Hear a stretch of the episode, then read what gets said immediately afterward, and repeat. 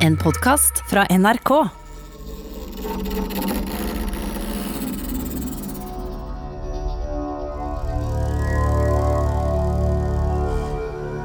Det begynner med en bæsj. En bæsj på isen. Den blanke isen som ligger over Randsfjorden, som ikke er en fjord, men en innsjø i Vest-Oppland. Midt på der damper en rykende varm, svart, glinsende bæsj. Ei ordentlig kuruke. Kyr og hester står og drikker rundt et hull folk har hogd til med isen. Og kua gjør sånn som kyr gjerne gjør, den driter. Sola skinner på den stinkende ruka. Sakte siger den ned i den kalde isen og varmer den opp. Og det blir starten på historien om Norge som ett rike.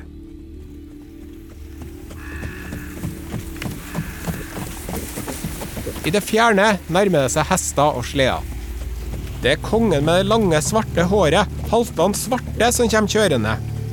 Halvdan er en av de mange småkongene som fantes i Norge på den tida. Han var konge over deler av Østlandet. Det er så lenge siden det her at man vet ikke akkurat hvor og hvor stort område han rådde over. Men man kan gå ut fra at han var en ganske stor konge til å være småkonge, hvis du skjønner. I hvert fall, det er nyåret 860, og Halvdan Svarte og hans har vært på julebord på Hadeland. Det var sånn de holdt på på den tida, småkonger og stormenn. De for fra gård til gård i områdene de kontrollerte, og åt og drakk til det ikke var noe mer igjen, og så for de videre til en annen gård. Kanskje er han litt i bakrus ennå, men Halvdan Svarte har vært i bakrus før, og en mann i sin beste alder, 40 år, så sjøl om det dunker litt bakom panna og øynene er litt rødsprengt, er kongen god og varm og har en svær bjørneskinnspels rundt seg, og han har ei krukke med øl han drikker av, og ei ung, vakker jente under fellen som også hjelper å holde han varm. Ja, jeg vet jo ikke om han hadde ei jente under fellen, da, men det er nå ikke umulig, og alt det andre er sant. Men det kan jo hende, det kan jo hende at en edru, årvåken og fresh konge hadde satt seg en litt annen kurs. Det vet vi ikke noe om. Var kongen egentlig ikke kjørbar? Var noen som helst egentlig kjørbar den gangen? Ingen som vet. Men kongen suser mot undergangen. For skiten til alle krøtterne som har stått rundt vannhullet, har trukket til seg varmen fra sola og gjort isen sprø og råtten og full av sprekker. Idet Halvdan Svarte og følgene kjører forbi, skjer det. Isen brister under dem. Kongen og vogna og hestene og jenta og hele følget hans forsvinner i det kalde, mørke vannet.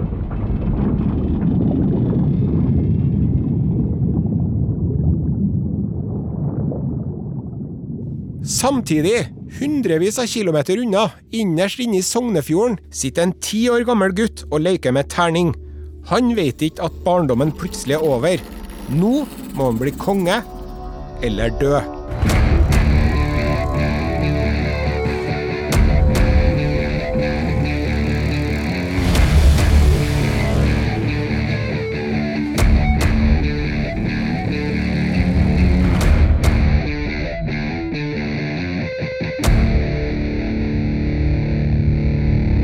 Du hører Kongerekka med Are Sende Osen.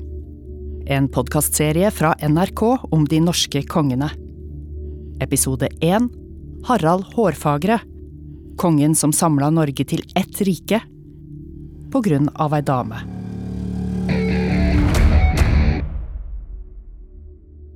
Året er 860 og landet Norge, men Norge er ikke et eget land ennå.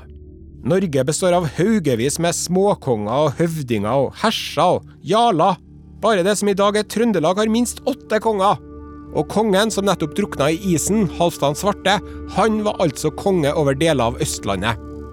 Det var et område han delvis hadde arva fra faren sin, delvis vunnet til seg i slag med andre småkonger, blant annet en konge ved navn Gandalf. Yes, du hørte riktig, Gandalf. Og i den historia her er Gandalf ikke en av the good guys, og ikke trollmann heller, men i hvert fall.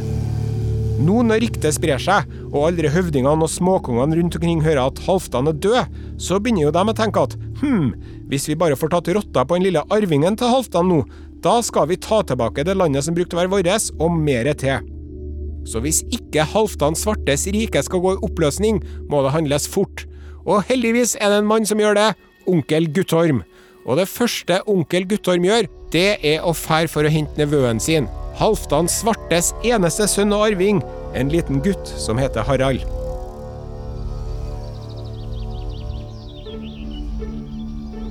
På Vestlandet begynner det å våres. Det er fortsatt snø omkring, men dagene begynner å lysne. På en stor, fin gård inne i Sognefjorden driver en gutt på rundt ti år og leker ut på tunet under det vaktsomme blikket til morfaren sin. Kanskje han leker med tresverd, kanskje han skyter med pil og bue. Sagaen forteller at gutten er dritgod til alle sånne ting. Å ri og smart er han og intellektuell, stor for alderen, er ikke noe galt med ungen der. Kanskje han driver på med en ekstremutgave av fotball kalt knattleik. Et røft og ganske voldelig ballspill hvor ballen er laga av tre. Var ikke utenkelig at folk gikk i vei om de fikk knattleikballen rett i skolten. Snakk om å være redd for ballen! hvert fall. Leiken blir brått avbrutt når de ser et følge med menn som nærmer seg gården oppe i lia. De voksne på gården griper til våpen, men heldigvis er det verken ransmenn eller røvere denne gangen. Det er venner. Frender med viktige nyheter. Lederen for flokken står og prater med morfar ei god stund. Så går han bort til den lille gutten, bøyer seg ned, ser han inn i øynene, tar han på skuldrene og sier Jeg er din onkel Guttorm. Faren din er død. Du må bli med oss, for det er folk ute etter deg som ikke vil deg vel. Så tok gutten farvel med mora si og bestefaren og gården han hadde bodd på nesten hele livet, og ble med mennene på den lange turen over fjellet. Nå skulle de tilbake til Østlandet og ordne opp. Altså dere der, hvordan livet på et øyeblikk endra seg for den unge Harald. Det går nesten ikke an å skjønne det, sant? Den ene dagen er du bortskjemt gullunge på storgården til morfaren din, omgitt av mora di og morfaren din og haugevis av tjenere og tjenestepiker som skjemmer deg bort og passer på deg og degger med deg og ligger i myk seng med dundyne og rene klær og er trygg og varm og mett. Og så, neste dagen, er du på vei over fjellet, omgitt av værbitte, beinharde krigere, flakkende rundt, kringsatt av fiender. Våt og kald og sliten og motløs. Var det noen som sa hjemlengsel? Men hva skal du gjøre, da? Skal du gå til onkelen din som du knapt kjenner og si at du savner mammaen din? Nå var det bare å bli voksen i en fei. Og de neste fem årene det går ikke an å gå inn i dem i detalj, vi får ta fortversjonen. Og den går ut på at sakte, men sikkert får Harald og onkelen hans tatt tilbake kontrollen over områdene til Halvdan Svarte. I starten drev de et omflakkende geriljaliv, men etter hvert får de kvitta seg med fiendene sine én etter én. I en sidedal til Østerdalen f.eks.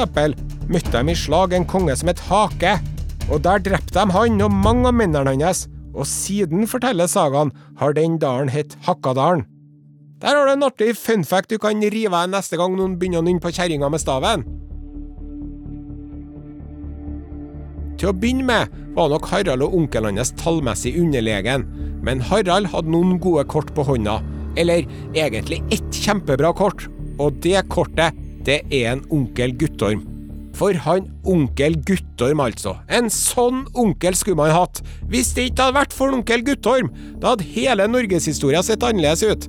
Da hadde nok Harald aldri blitt konge av Norge, og mest sannsynlig ikke fylt elleve heller. Onkel Guttorm, sier jeg bare, altså. Mang en onkel til et ungt kongsemne både før og siden, har tenkt at nå har jeg sjansen, og tatt makta sjøl, og latt den unge arvingen bli utsatt for et uhell, sant? Men Guttorm var en lojal og trofast venn og støtte for sin unge nevø og konge hele livet gjennom. I tillegg til at onkel Guttorm var en kul og hederlig fyr, så var han også en god kriger, en leder av menn og en glimrende strateg. Hør på dette! Han Guttorm hadde gjennom spionnettverket sitt fått greie på hvor fire høvdinger på Hedmarken skulle møtes for å lage en allianse mot den unge kongen. Midt på natta sneik de seg inn på husene småkongene lå og sov i, god og mett, og sikkert ganske brisen nå etter kveldens gilde. Og så tente de på husene de sov i. To av småkongene kom seg ikke ut, de døde i røyk og flammer og ild, mens to av dem kom seg ut. I bare underbuksa, men med sverd i hånd og de kjempa så godt de kunne, men hva skal man stille opp med da mot overmakta? Bakfull og halvnaken og overmanna. Øysteinsønnene, som de het, de kjempa tappert ei stund, men der falt de, begge to. Så kan man jo spørre seg akkurat hvor kul og hederlig han onkel Guttorm var når han driver og tenner på husene folk ligger og sover i. Er ikke akkurat i tråd med Genévekonvensjonen, det der. Men Genévekonvensjonen fantes ikke den gangen, og hvis du syns herre er galt, så kan jeg fortelle deg at det blir verre.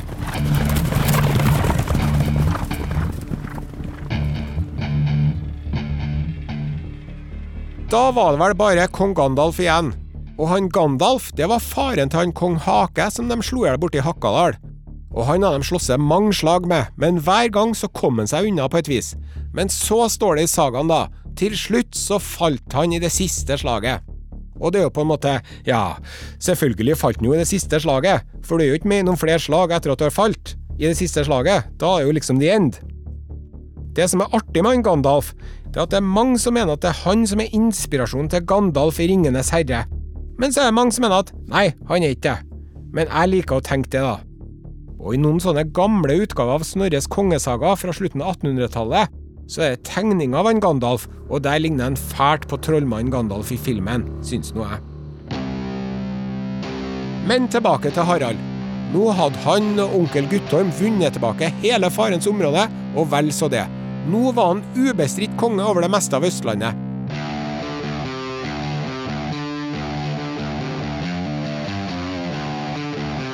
Bare at han het jo ikke Hårfagre ennå. De kalte den Harald Luva.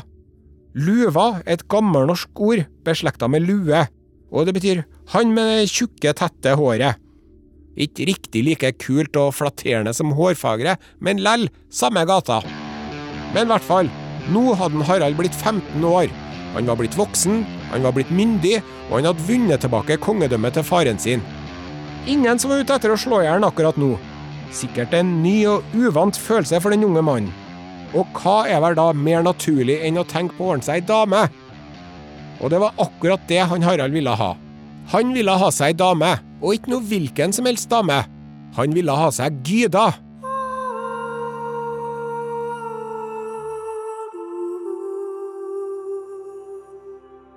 Og Gyda, det var ei skikkelig fin dame. Kongsdatter hun òg. Bodde borte i Valdres.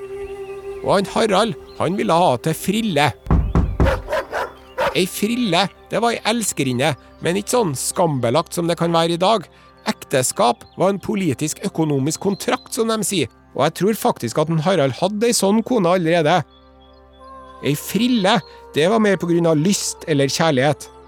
Sagaen forteller at hun Gyda, hun var fin, men kaut, stolt, hovmodig, høy på pæra.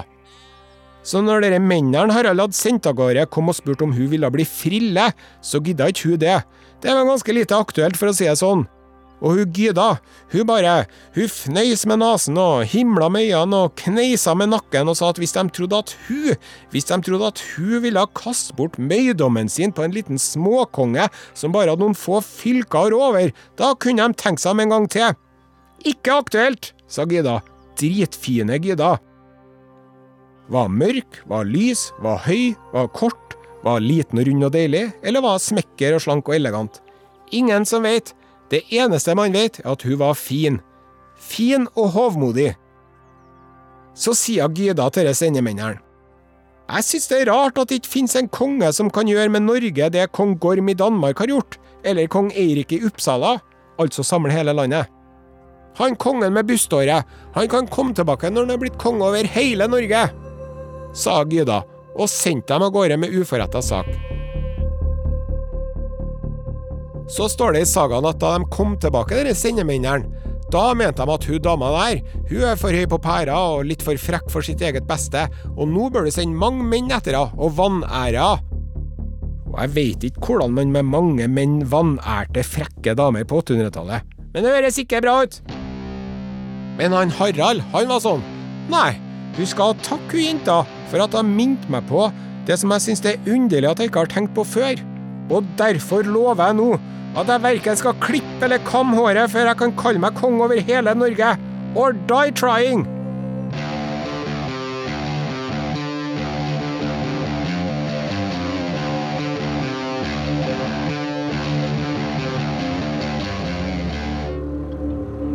Så da en Harald bestemte seg for å bli konge over hele Norge, da starta det med noe som må beskrives som forbrytelser mot menneskeheten, rett og slett. Da dro han med hæren sin oppover Gudbrandsdalen, over Dovre og til Oppdal, og der drepte han alle han kom over, og tente på hele bygda. Og det her var en måte å gi klar beskjed på at enten så er du med meg, eller så er du mot meg, og hvis du er mot meg, så sliter du. Og for oss i dag så virker det jo helt sprøtt å holde på på den måten, men hva er de sier da? Du kan ikke lage omelett uten å knuse egg, og du kan ikke bli konge over hele Norge hvis du ikke er klar for å drepe en hel skokk med fattige småfolk som bare er ute etter å leve livene sine i fred. Dette her er noe som går igjen igjen og igjen i historien om de norske kongene. Og så for Harald nordover. Da han kom til Ørlandet, møtte han en mann du må bite deg merke i med en eneste gang. Håkon Jarl. Håkon Jarl Grjotgardsson. Og han hadde med seg plenty folk. Og om det hadde blitt kamp mellom Harald og Håkon, er ikke godt å si hvem som hadde vunnet. Men heldigvis så ble de enige om å alliere seg istedenfor å utslette hverandre. Og Håkon Jarl og Harald ble enige om at Håkon skulle gifte bort dattera si til Harald og bli jarlen hans. Og en jarl, det er en høvding som kommer rett under kongen i rang. Og med den alliansen der hadde Harald, simsalabim, underlagt seg hele Trøndelag og Nord-Norge. Håkon Jarl var nemlig sjefen for den største stormannsslekta i Nord-Norge. På en måte var det litt rart at Håkon Jarl underkasta seg den unge jyplingen fra Østlandet. På den andre sida var det en ganske kløktig politisk avgjørelse, for med det ble han den første ladejarlen, og ladejarlene var i lang tid framover blant de viktigste mennene i Norge. Men det gjensto litt opprydding i Trøndelag. Harald for som en virvelvind og tok for seg den ene småkongen etter den andre. Noen overga seg, noen stakk av, noen sloss mot den og daua. Det står i sagaen at en Harald hadde til sammen åtte slag i Trondheimen, og da han hadde felt åtte konger, la han hele området under seg. Og her må man jo dvele litt ved hvor lite som skulle til for å være konge på den tida, når det i Trøndelag var åtte konger. Kongen av Gauldal, og kongen av Strinda, og kongen av Stjørdal, og kongen av Verdal, og kongen av Skogn, og kongen av Sparbygd, og kongen av Inderøya, og sånn fortsatte det. Nå hadde han kontroll over Østlandet, Trøndelag og Nord-Norge, godt på vei til å bli konge over hele Norge. Bortsett fra at han mangla hele Vestlandet, da. Og da benytta han seg av en metode som noen har kalt salamimetoden. Og det vil si at man ikke stapper hele pølsa inn i kjeften på en gang, men skjærer av en tynn skive i slengen. Først fikk han en verdifull allianse med mørjarlen Ragnvald Jarl. Og han Ragnvald var også litt av en fyr. Han hadde to tilnavn. Ragnvald den mektige, eller Ragnvald den rådvise. I tillegg er det verdt å merke seg at Ragnvald hadde en sønn som var så stor og svær at ingen hest kunne bære han, så han måtte gå overalt. Derfor kalte de en Gangerolf. Men det er en annen historie. Uansett, kan ikke unngå å legge merke til at en Harald hadde tre eldre, mektige menn som var han til stor hjelp og støtte med prosjektet sitt onkel Guttorm, som må regnes som en slags fosterfar, det var Ladejarlen, svigerfaren, og så har du Mørjarlen, som var hans beste venn. Felles for de her mennene er at de var omtrent på alder med faren hans, som en ikke hadde sett så mye til, og som døde mens han var en liten gutt. Så hvis man hadde vært psykologisk orientert, kunne man sikkert sagt mye om forskjellige komplekser og farssavn og alt mulig rundt her, men det skal ikke vi gjøre. La oss i stedet oppsummere Haralds samling av Vestlandet. Han bevega seg sakte, men sikkert nedover og jafsa i seg én småkonge i slengen, og etter hvert så skjønte de som var igjen at nå må vi alliere oss eller dø, men da var det vel allerede for seint. Så nå bare spoler vi fram til det siste store avgjørende slaget, og det er slaget ved Hafrsfjord i nærheten av Stavanger. Og Hafrsfjord var veldig viktig. For den som kontrollerte den fjorden her, hadde en rolig og fin havn de kunne bruke som utgangspunkt til å kontrollere hele norskekysten i begge retningene. Viktigere enn noen borg, med andre ord. Og der møttes de altså i et stort slag. På den ene sida Harald Luva med onkelen sin og svigerfaren sin, Ladejarlen, og kompisen sin, Mørjarlen, ved sin side. På den andre sida en gjeng med småkonger. Og nå må jeg si jeg er ganske lei av å ramse opp småkonger, altså. Jeg gidder ikke å ramse opp verken kong Sulke eller Sute Jarl eller Kjøttve den rike eller Hadd den harde. ingen grunn til å dvele ved noen av dem, for de er snart ute av soga hele gjengen, død eller landsfordrevet. Måten de drev og kjempa sånne store sjøslag på den gangen, var at det ene laget, i dette tilfellet Harald og co., tok alle båtene sine, rundt 100 båter hadde de, og så bandt de dem fast til hverandre til en svær flåte. Og så prøvde de andre, som hadde omtrent like stor styrke og like mange båter, å hakke unna én og én båt som de da rydda for folk. Og når man i denne sammenhengen snakker om å rydde for folk, da gjelder det å drepe eller slenge på sjøen alle sammen. Så selve kjempinga, det var nesten som et slag på land på vann.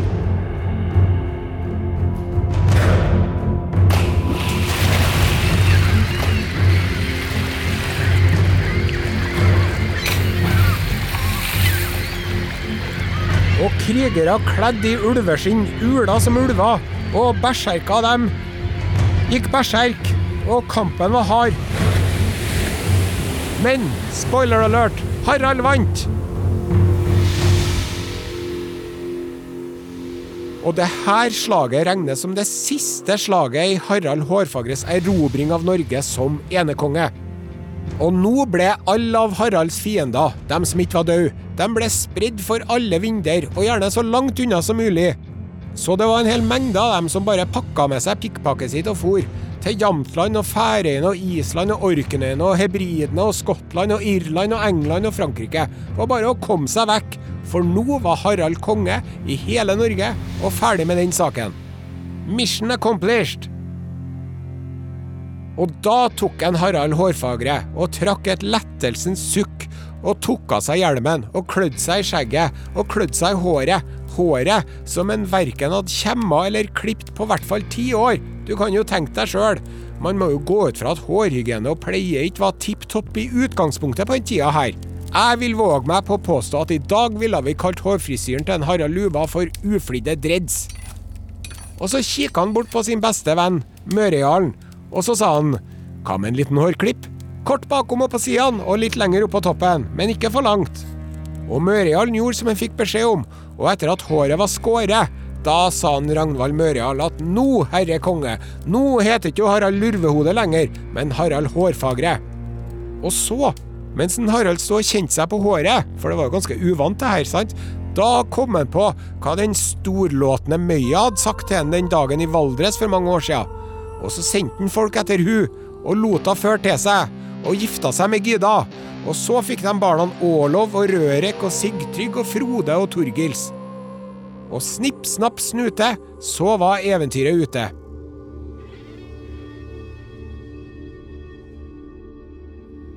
Bare at det var jo ikke det, sant? Eventyret hadde jo knapt begynt for Harald Hårfagre. Han var jo fremdeles en ung mann. Han var jo konge resten av livet, og det livet, det var langt. Her snakker vi om en mann som ble over 80 år gammel for over 1000 år siden. Godt gjort uten moderne legevitenskap og hjertemedisin og blodtrykksmedisin og diabetesmedisin og kiropraktorer, fysioterapeuter og alt mulig. Og han Harald, han nøyde seg ikke med å gifte seg med Gyda, han gifta seg med plenty kvinnfolk. Det som en gjorde, var at en for rundt omkring i hele landet, i alle områdene i hele Norge, så tok en Harald og gifta seg med ei dame fra den mektigste slekta i det området. Og så fikk han barn med hun, og de ble oppfostra til mor si, i sitt kjerneområde, kan du si. Så han Harald Hårfagre, han fikk en hel skokk med unger, med alle dere konene sine. Og hva Gyda mente om det, det tror ikke jeg var så veldig interessant. Tror ikke Gyda hadde noe hun skulle si om den saken. Akkurat hvor mange han fikk, det vet man ikke. Noen sier at han hadde 16 sønner, andre sier at han hadde 20 sønner. Men det var mange.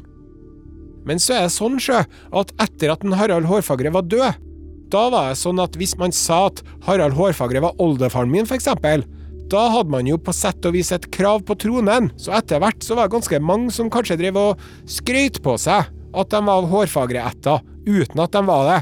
For eksempel Ola Tryggvason, Ola den hellige og Harald Hardråde.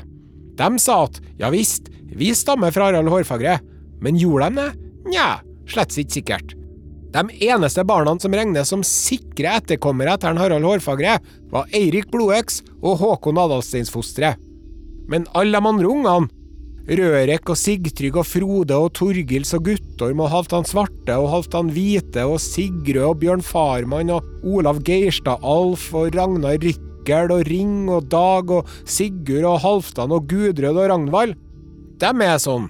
Ja, det står noe om dem i sagaen, men om de fantes, og om de i så fall var barna til en Harald, det er ikke godt å si. Og så er det jo sånn, vi vet jo det at en Harald var Norges første konge, og at han var det i mange år. Den kunnskapen satt jo ikke Harald med sjøl. Han gikk jo rundt og kikka seg litt over skuldra konstant, litt skvetten, og lurte på om noen hadde tenkt å ta han og bli konge sjøl. Så det er mange historier om at en Harald var rett og slett paranoid. Og hvis noen drev og hviska og sladra til han om at den og den stormannen var ute etter å ta han, og bli kalif istedenfor kalifen, så er det flere eksempler på at det ikke gikk så bra med dem, for å se på den måten. Han var visst en ganske hissig type.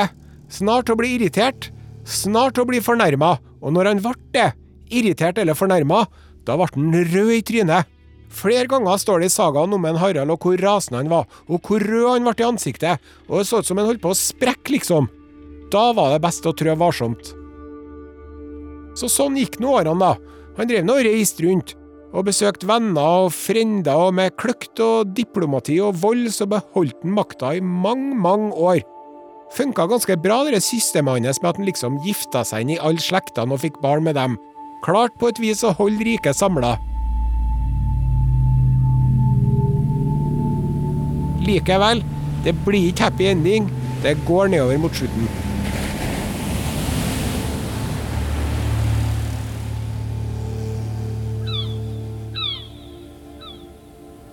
Se for deg her. Det er ei naken, forblåst øy ute i havgapet på Vestlandet. En gammel mann står og ser utover havet. Det er Harald Hårfagre. Mange og 80 år gammel. Tannløs, krokrygga, dårlig til beins, svaksynt. Han har på seg fine og dyre klær, men han har sølt noe mat på seg. Han er ikke så veldig elegant, i hvert fall. Han som i sin ungdom var stor og sterk og vakker som få, og klok og kraftig og lur og taktisk. Nå er han ingen av delene lenger. Husken, evnene, selve personligheten hans visner bort. Dement, kaller vi det i dag. Visst er en konge over hele Norge, og har vært det i 50 år. Men alle vennene hans er borte. Alle han kjente og hadde kjær og var glad i. Hvor er Gyda? Ingen som vet. Hvor er onkel Guttorm? Han er død. Hvor er svigerfar Ladejarlen? Han er død for lenge siden. Og Mørejarlen, kongens beste venn, han som klippet håret hans da Norge endelig var samla, han er død, han òg. Og hovedarvingen, kronprinsen, han duger ikke, rett og slett. Han har ikke det som skal til. Så kommer det noen, en trell eller noe, og sier å, konge, nå må du komme inn, det begynner å bli mørkt og bli kald, og du kan ikke stå her og se utover havet hele dagen. Må komme inn og få litt mat nå, herre konge. Og kongen lener seg mot trellen og snur seg sakte og stivt, og så blir han ført tilbake inn i varmen. Harald Hårfagre er en ensom, bitter og desillusjonert mann. Hele prosjektet til Harald om Norge som ett rike holder på å rakne i sømmene. Alle kongens sønner kiver og slåss om makta. Norge er på randen av borgerkrig. Og nede i Danmark sitter danskekongen og skuler mot Norge med grådig blikk.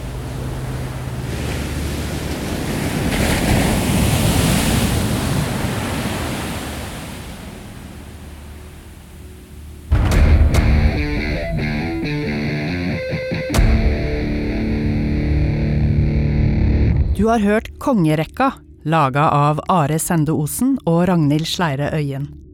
Historisk konsulent er Randi Bjørsol Verdal, og musikken er av Syncpoint. Neste episode handler om kongen med det aller råeste navnet, Eirik Blodøks. Kongerekka er en podkast fra NRK. Du kan nå høre alle episodene i denne serien i appen NRK Radio.